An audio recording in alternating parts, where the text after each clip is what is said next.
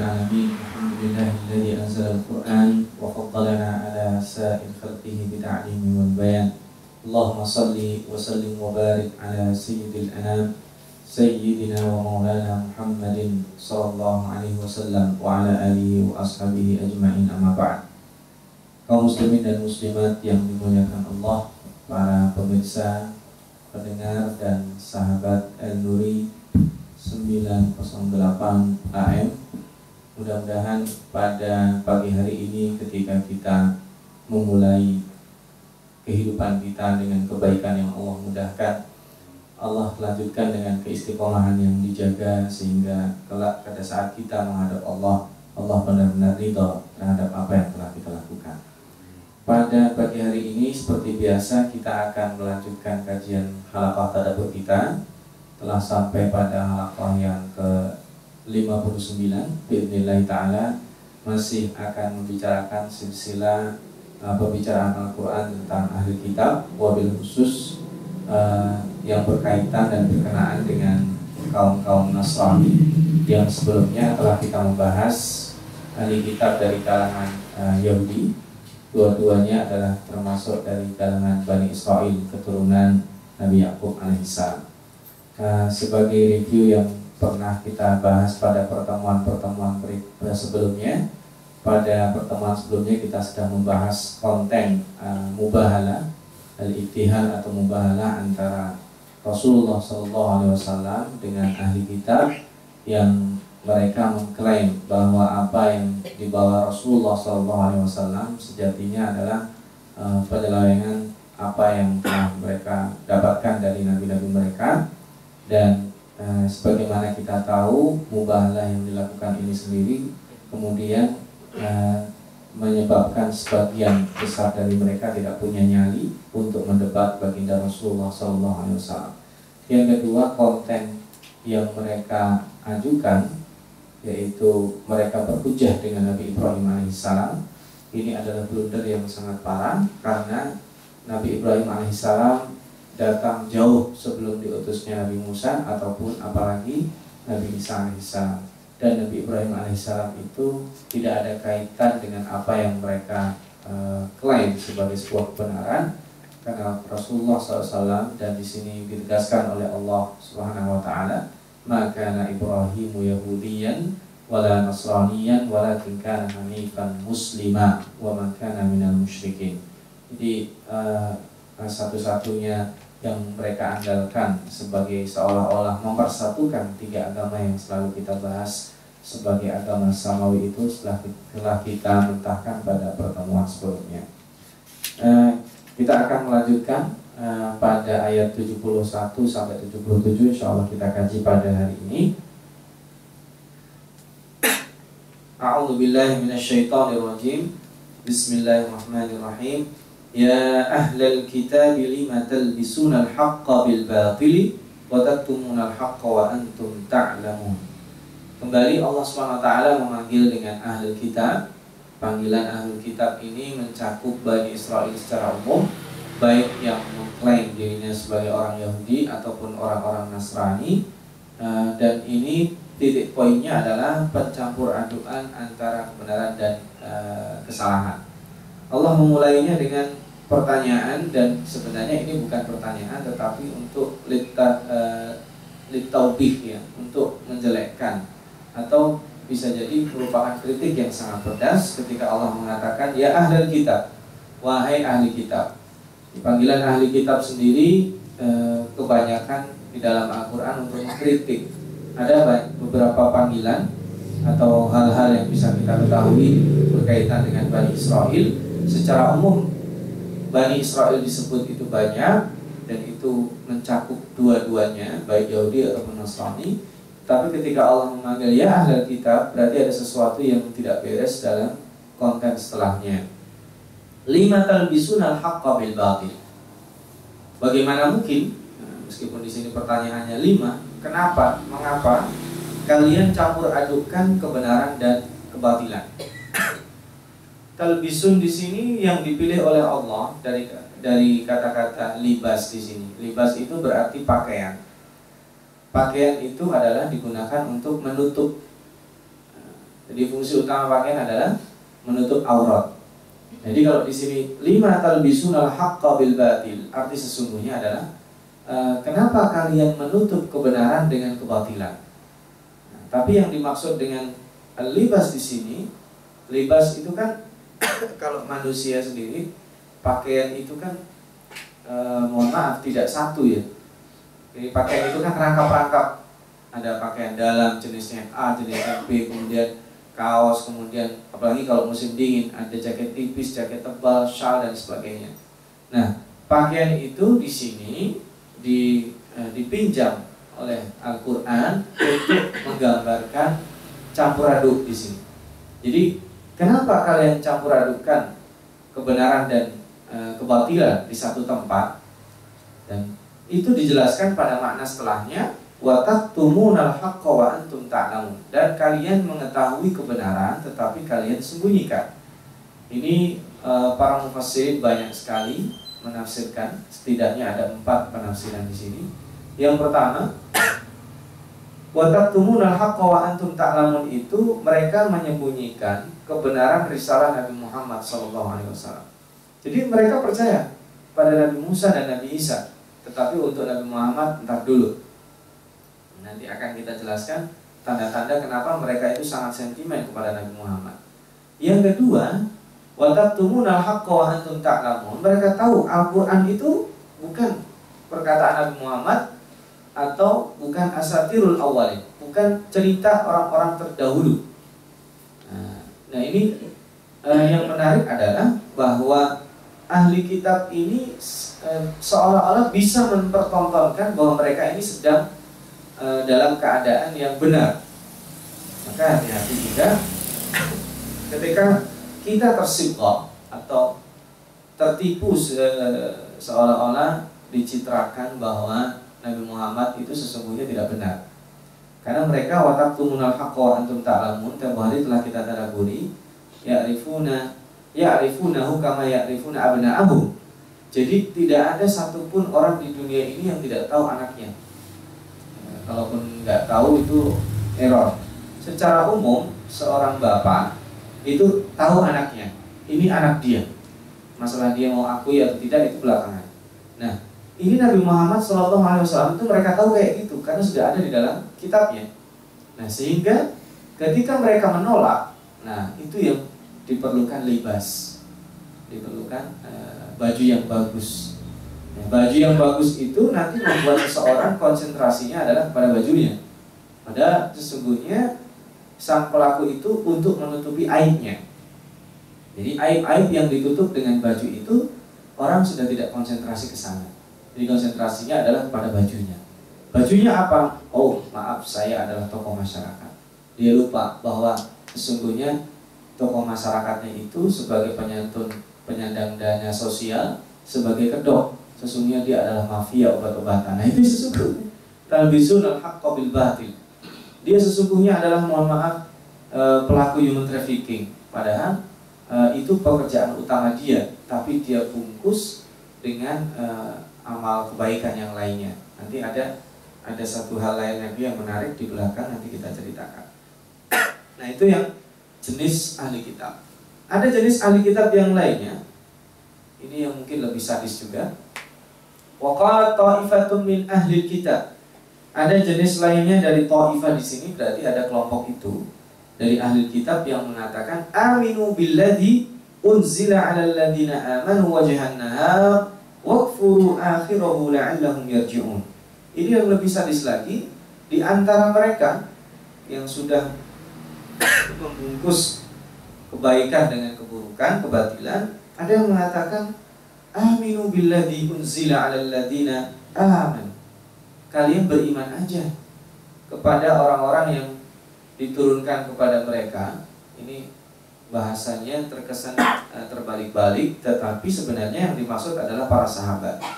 Kita telah secara bahasa ya. Aminu berimanlah billadhi unzila dengan sesuatu yang diturunkan ala alladhina amanu kepada orang-orang yang beriman terhadap apa yang diturunkan tadi.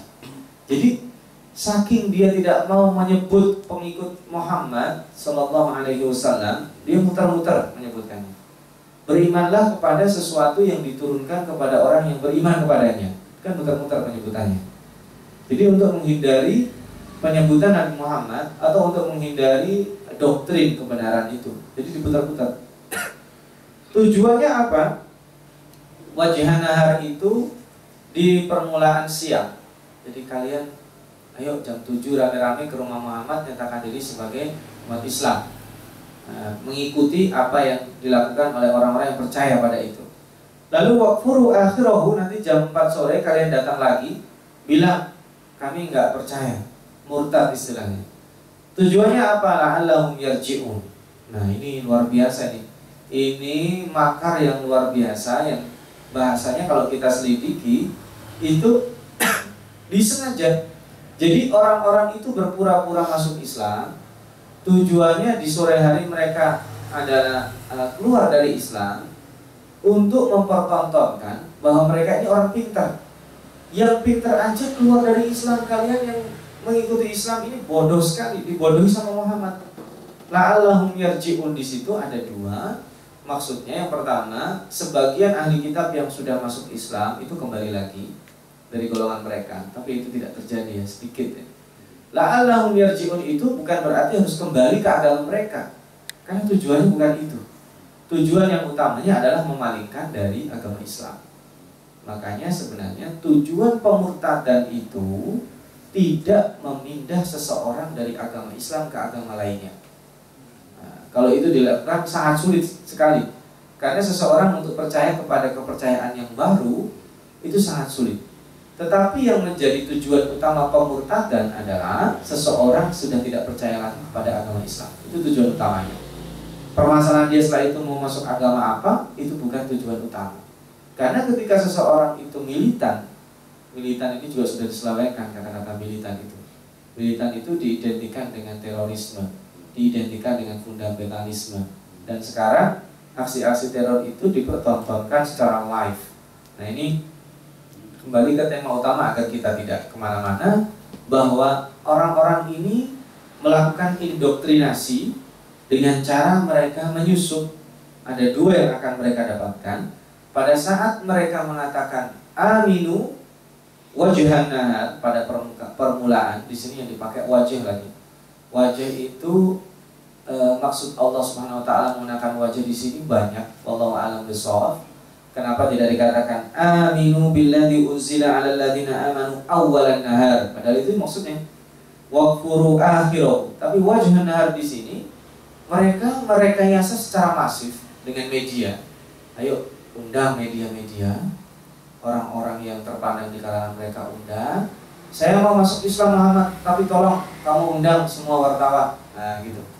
Jadi semua menyaksikan, menyaksikan keislaman mereka dan itu seolah-olah nanti mereka berbahagia. Wah, Masya Allah, kita menang di hari ini. Banyak sekali yang bergabung dengan dakwah Islam kita. Tetapi tidak sadar bahwa sesungguhnya itu adalah bagian dari strategi licik mereka. Nanti akhirun nahar mereka kafir.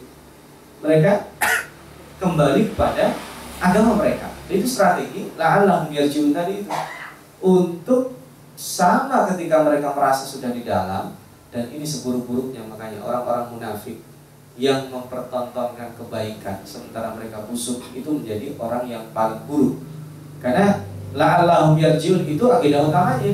Orang-orang munafik itu agenda utamanya untuk diri mereka la'allahum yarjiun itu yang kedua. Diri mereka itu nafi. Orang-orang munafik itu ingin mengamankan agenda mereka supaya aman nah, secara secara politik, secara keuangan, secara ekonomi, ideologis eh, agama mereka itu tidak penting. Tapi yang penting adalah mereka mendapatkan manfaat dari itu. Nah, yang menarik mereka kemudian ini masih ada la'alahum yarji'un itu diterjemahkannya adalah wala tu'min. Jangan sekali-kali kalian beriman ini menandakan mereka khawatir juga. Jadi kalau ada 10 orang melakukan misi ini, ayo kita bersepuluh, pura-pura masuk Islam, nanti jam 4 sore kita keluar semua. Nah, pemimpin mereka mengatakan jangan sekali-kali kalian beriman, illa liman dinakum. Nah, ternyata mereka khawatir juga. Jangan-jangan di antara 10 orang kita yang pura-pura ini nanti betul yang masuk Islam. Kenapa? Karena udah terbukti. Orang-orang kafir Quraisy kan dulu pernah ya. Abu Jahal, para uh, dedengkotnya itu, Walid bin Mughirah dan uh, Abu Lahab, ada beberapa orang lainnya. Mereka ketika dikatakan sama Walid bin Mughirah, salah seorang pakar bahasa, ini bahaya. Al-Quran itu bahaya. Yang mendengar itu bisa tersihir. Maka tolong kita wanti-wanti orang jangan sampai mendengarnya. Hanya mereka buat kesepakatan. Mulai hari ini kita jangan izinkan Muhammad membacakan Al-Quran. Eh ternyata mereka merasa kehilangan. Akhirnya mereka bertiga secara terpisah-pisah itu menuju rumah Nabi Muhammad untuk mendengarkan Al-Quran. Ya, Abu Jahal pojok pelan-pelan, Abu Lahab, bin Eh mereka bertemu di satu sudut. Tanya itu, loh kamu di sini ngapain? Loh kamu di sini juga ngapain? Kamu di sini ngapain? Ternyata mereka ketiga-tiganya itu rindu mendengarkan bacaan Al-Quran. Nah itu malah tidak bisa dipungkiri bahwa Al-Quran itu dikatakan dalam tanda kutip sihir memang menyihir. Karena kata-katanya itu bukan sekedar maknanya uh, kalau dibaca itu lain.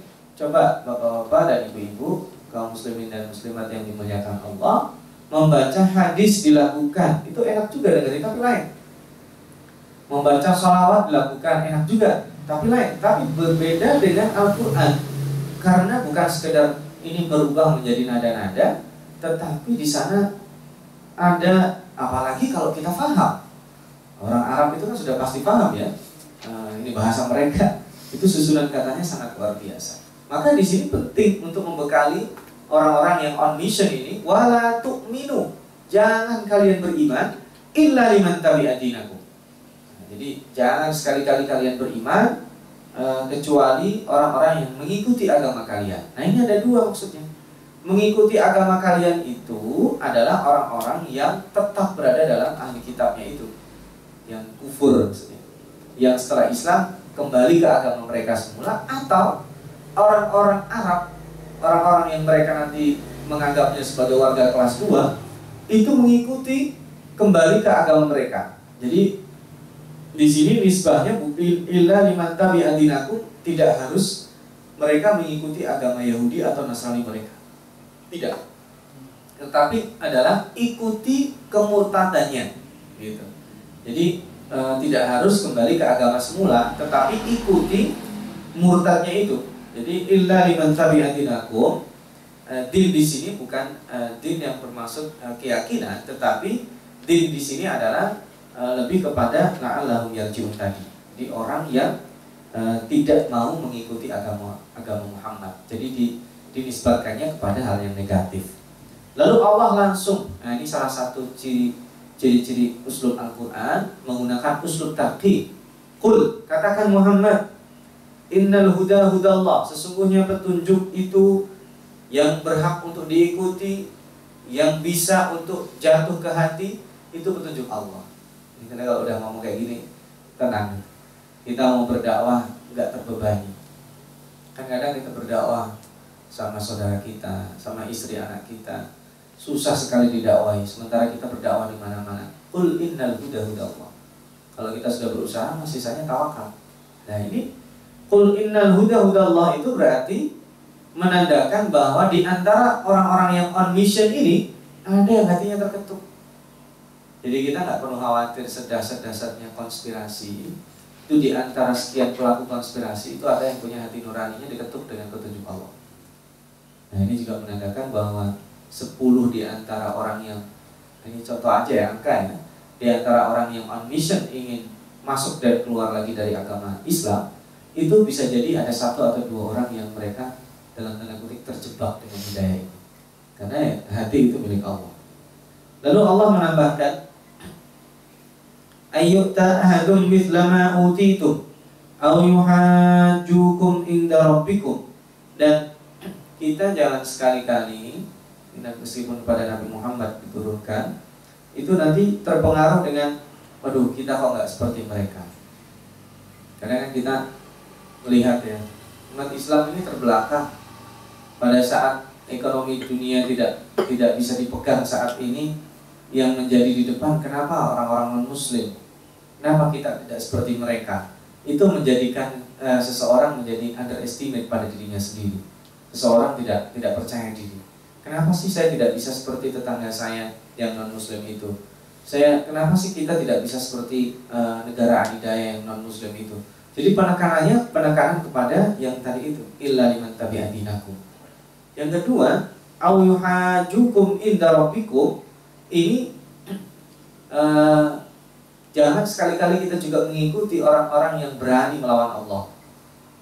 Mungkin kadang kita kepikir itu orang berani banget melawan Allah. Tapi dengan melawan Allah kita lihat hidupnya kok santai aja, hidupnya kok uh, berada dalam kemakmuran, hidupnya kok justru tidak seperti yang ada di dalam ancaman. Nah, ini belum selesai padahal. Jadi kita tidak uh, jangan pernah terpancing dengan orang-orang yang berhujah, dengan orang-orang yang melawan Allah. Kul katakan Muhammad, Innal fadla biyadillah.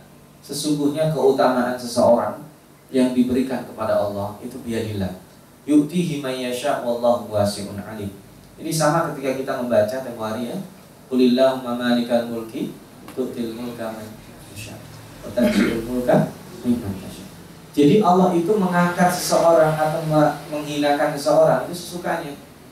Kita jangan misalkan gara gara-gara gitu aja semua orang seluruh Indonesia mengangkat menganggap dia pahlawan. Kita nggak perlu iri.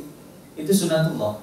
Salah satu sunatut tadawul baik dalam skup peradaban yang besar ataupun dalam skup personal, kadang ada hal-hal tertentu yang menyebabkan seseorang itu kemudian menjadi naik daun, melesat, terkenal, kemudian dihormati orang. Lalu hal-hal hal yang sepele orang itu kemudian langsung hancur berantakan. Itu merupakan sunnatullah. Nah, maka kalau kita katakan kul innal fadla biyadillah. Nah, ini yang harus kita utamakan. Maksudnya biyadillah itu apa? Keutamaan yang paling penting ada ada tafsirannya beberapa penakwilan. Penakwilan yang pertama bahwa itu yang yang paling dekat dengan kebenaran bahwa keutamaan itu adalah milik Allah. Tetapi ada juga penafsiran yang yang uh, mendekati ini bahwa yang paling penting keutamaan kita al-fadl itu di mata Allah. Jadi sebagian kita menyibukkan supaya kita dianggap mulia di sisi manusia, tetapi dia lupa dia melupakan keutamaan dia di depan Allah. Maksudnya apa?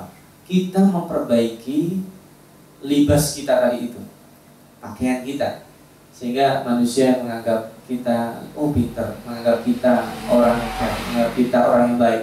Tetapi sesungguhnya kita tidak demikian. Padahal ada yang maha melihat. Nah, itu yang uh, bisa ditafsirkan demikian. Yutihi mayyasha al-fadl itu keutamaan itu dengan apa pun jenisnya ini umum ya Meskipun sebenarnya ini diperuntukkan umat Islam, tetap bisa berlaku secara umum. Kita tidak perlu uh, kaget ada seseorang yang seolah-olah sepele saja sebabnya dia dianggap mulia. Wallahu wasi'un alim. Allah kita sudah pernah jelaskan wasi' maha luas, alimun dan maha tahu. Keluasan rezekinya, keluasan ilmunya itu sangat berkaitan. Yahtassu Allah mengkhususkan birahmatihi mayyasha dengan rahmatnya ini diperuntukkan pada orang-orang yang dikehendakinya wallahu dzul fadlil azim. Dan Allah memiliki al-fadl e, keutamaan karunia yang sangat-sangat besar. Nah, ini yang juga dikatakan Nabi Sulaiman ketika uh, beliau mendapatkan nikmat bisa berbicara dengan binatang, diberikan nikmat angin, diberikan nikmat pasukan dari jin, dari semua jenis makhluk Allah, dia mengatakan hada min fadli rabbi. Liyabluwani aashkuru am akfur. Dan kalau kita katakan ini kita katakan ada min fadli rabbi. Ya sopo kita. Ada min fadli rabbi. Jadi bersyukur kita. Aduh pagi ini ya, saya cuma makan. Kita bisa makan nasi sama cabai doang Loh siapa bilang itu sesuatu yang cabai mahal Justru kita bersyukur yang bisa beli cabai itu orang kaya Yang cabai lebih mahal dari daging kan sekilanya bisa bisa seratus ribu Jadi kita kalau katakan meskipun dalam keadaan demikian, makan seadanya, hada min fadli rabbi menyebabkan kita bersyukur. Ketika kita mendapatkan nikmatan yang luar biasa, mengatakan hada min fadli rabbi akan keren dari sifat sombong. Hada min fadli rabbi akan menganggap bahwa yang kita miliki itu bukan segala-galanya. Akhirnya membuat kita menjadi ringan untuk memberi. Maka dul fadlil azim di sini luar biasa. Dul fadlil azim itu uh, al-fadl bukan berarti hanya keutamaan saja. Al-fadl itu karunia yang tidak melekat pada diri kita. Jadi nikmat apa saja kita nggak merasa itu punya kita, itu punya Allah. Dzul Fadlil Azim. Anda luar biasa ya, masih muda memimpin 20 perusahaan. Oh, ada min fadli rabbi. Anda mau ambil aja satu, tapi nggak ada orang saya kayak gitu ya. Jadi dia tidak merasa memiliki. Ya, atau kita melihat, masya Allah ini orang seperti itu hidupnya, tapi dia bisa bertahan. Kita merasa kasihan sama dia. Dia akan mengatakan, ada min fadli rabbi. Saya cukup. Karena lebih baik dikira kaya daripada dikira miskin. Nah, anda jangan mengasihani saya. Kalau dibantu silahkan. Tetapi ada adat yang sudah mengkafir saya. Wallahu dzul. Nah, ini eh, tanggapan dari jenis kedua ahli kitabnya. Ada jenis ketiga. Ini kita hari ini klasifikasi ahli kitab ya. Yang ketiga, wa min ahli kitab man inta'manhu bi qintarin yu'addihi ilaih. Nah, ternyata ada ahli kitab yang baik juga. Wa min ahli kitab ini di antara golongan ahli kitab ada orang-orang yang kalau kita titipin segepok duit dikasih saham, dititipkan kita menanam saham dalam perusahaannya, berarti ini menandakan kita boleh berinteraksi dengan non muslim dalam masalah ekonomi, sosial dan sebagainya kerjasama diperbolehkan. Kita nanam saham pada mereka diperbolehkan. Ada yang amanah mereka, yu'addihi ilai. Padahal kintor, kintor itu luar biasa. Kalau kalau bahasa kita, kita bawa satu gerobak duit, kita titipin kepada ahli kitab, ada juga kok orang yang percaya. Gitu. Tetapi di antara mereka juga waminhum man inta'manhu man inta'manhu bidinarin tapi ada juga orang yang kita titipin satu dinar saja seribu rupiah bahasa kita lah yang ilai gak dibalikin kecuali kita tagih. Jadi ada ahli kitab yang pinjam sama kita seribu rupiah seribu rupiah aja. Ada juga yang gak mau balikin kecuali illa ma dumta alaihi qaimah kecuali kita terus-terusan nagih yang dari kitab itu tipe-tipenya yang gak amanah. Gak amanah dalam muamalah sosial ya. Kalau akidah jangan kita bicarakan tadi sudah sudah disebut. Ini sekarang dalam interaksi sosial. Jadi intinya dalam interaksi sosial dengan orang-orang yang uh, tidak seakidah dengan kita dipersilahkan. Selama itu uh, ada aturan umumnya ya. Amanah dalam menunaikan uh, uang dan muamalah maliyah itu merupakan ciri-ciri utama. Dan juga sebaliknya umat Islam juga ada yang seperti itu. Ada yang amanah ada yang tidak. Jadi ini kalau muamalah dengan duit duit menjadi agama. Jadi uh, tanpa menyebut etnis tertentu kadang ada jadi uh, apa guyonan kita bahwa dia agamanya apa? Ah bukan itu mah sekedar sekedar uh, loyalitas yang sementara. Agama dia duit. Kalau sudah bicara duit tidak peduli ini agama A atau agama B agama C dia disatukan dengan agama bernama uang, bernama materi. Ada juga orang seperti itu. Nah, kalau sudah berhubungan dengan ini, sebenarnya sekat-sekat ideologis itu hanya sebagai panduan. Meskipun tentunya uh, kita bisa melakukan uh, prioritas. Lebih baik kita berinteraksi dengan orang seakidah, kita untuk uh, menjaga apa kestabilan ekonomi nasional, misalnya kita utamakan orang-orang yang seakidah dengan kita bukan untuk eksklusivitas tetapi eh, ini sebagai panduan. Diperbolehkan jadi kita berinteraksi dengan non muslim masalah keuangan boleh. Tetapi ada juga yang berikutnya man inta man hubidina ilai itu ada juga tipe-tipe orang yang tidak amanah. Yang tidak amanah meskipun dititipi satu dinar saja. Illa madum ta'alahi qa'ima kecuali anda e, menagihnya terus-terusan. Dzalika bi annahum. Nah ini titik tekannya sebenarnya.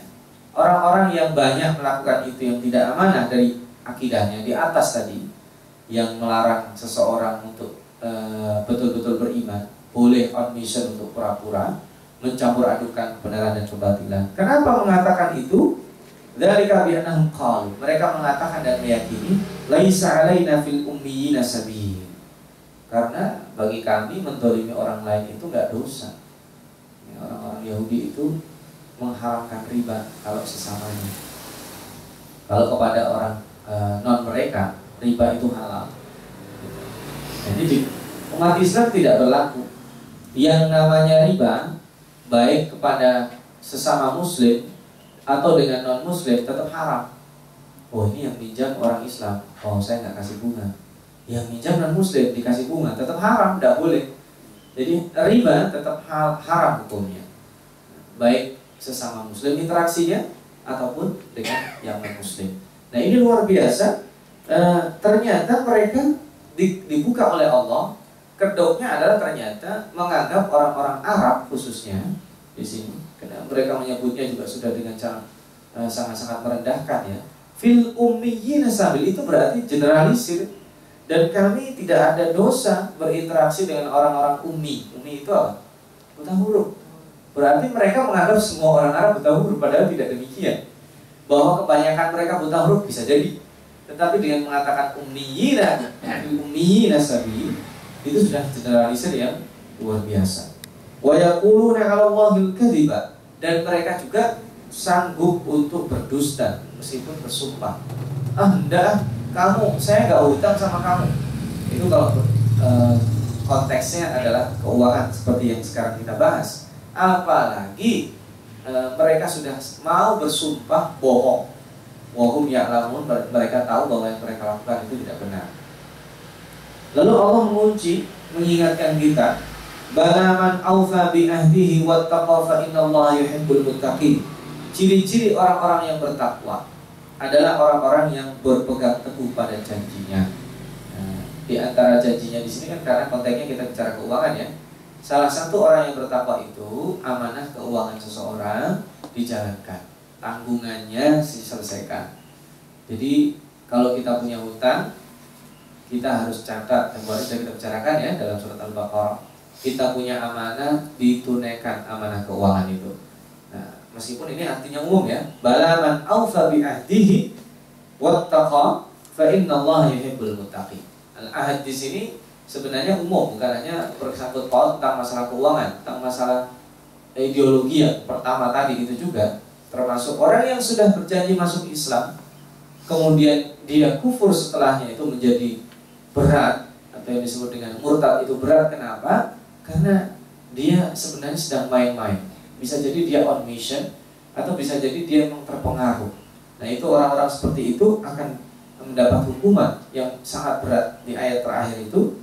Innalladzina yashtaruna bi'ahdillahi wa aimani. Sesungguhnya orang-orang yang di sini Allah taala supaya lengkap dia menggambarkan dengan syirah, jual beli. Orang yang menjual janji mereka dan ini kan uh, kita sering ya dalam kampanye orang kan menjual janji ya. Janji itu nanti banyak kan tidak ditepati. Itu kita juga hati-hati. Jangan mudah berjanji berarti.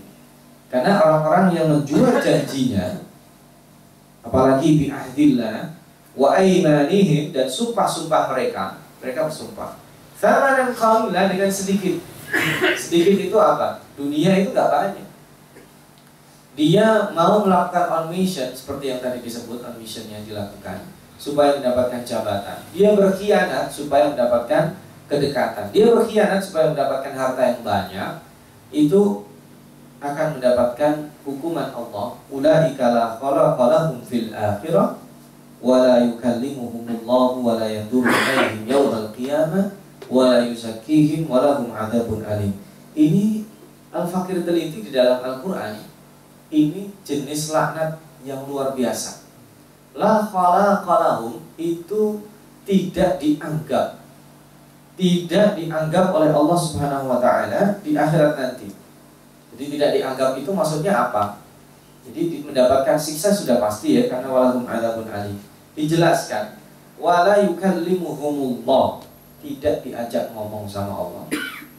Wala yaduru ilaihim yaumal qiyamah mereka tidak dilihat oleh Allah.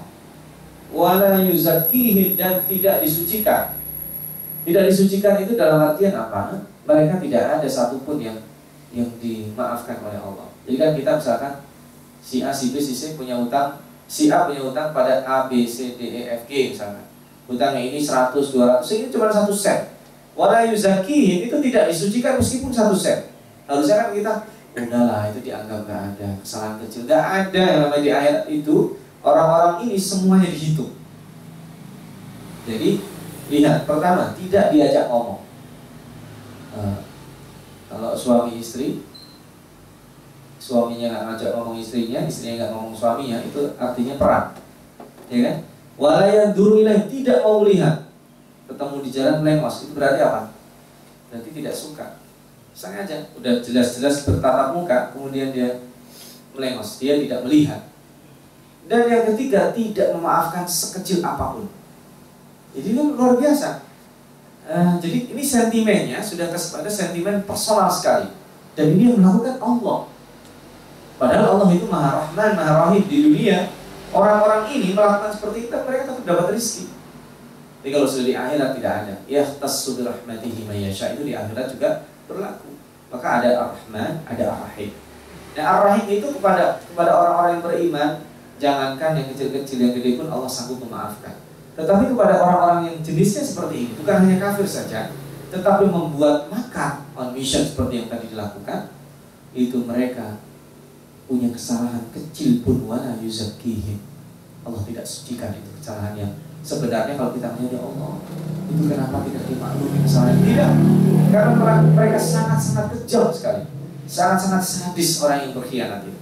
Orang yang berkhianat nanti di dunia dengan janji-janji Allah swt yang mereka sepelekan dengan hal-hal yang tadi disebutkan itu hukumannya luar biasa. La yukallimuhumullah wa la yanduru ilaihim yaumal qiyamah. Di hari kebangkitan saat orang bingung semuanya orang bingung sama sekali mereka bertanya mereka kepada siapa tidak ada orang yang mau menyahut mereka atau apa ditanya eh mana ini mereka semua dicuekin oleh Allah wala yukallimuhumullah yaumal qiyamah itu maksudnya bukan hanya Allah yang melakukan itu tapi mereka akan terlantar di hari kiamat nanti.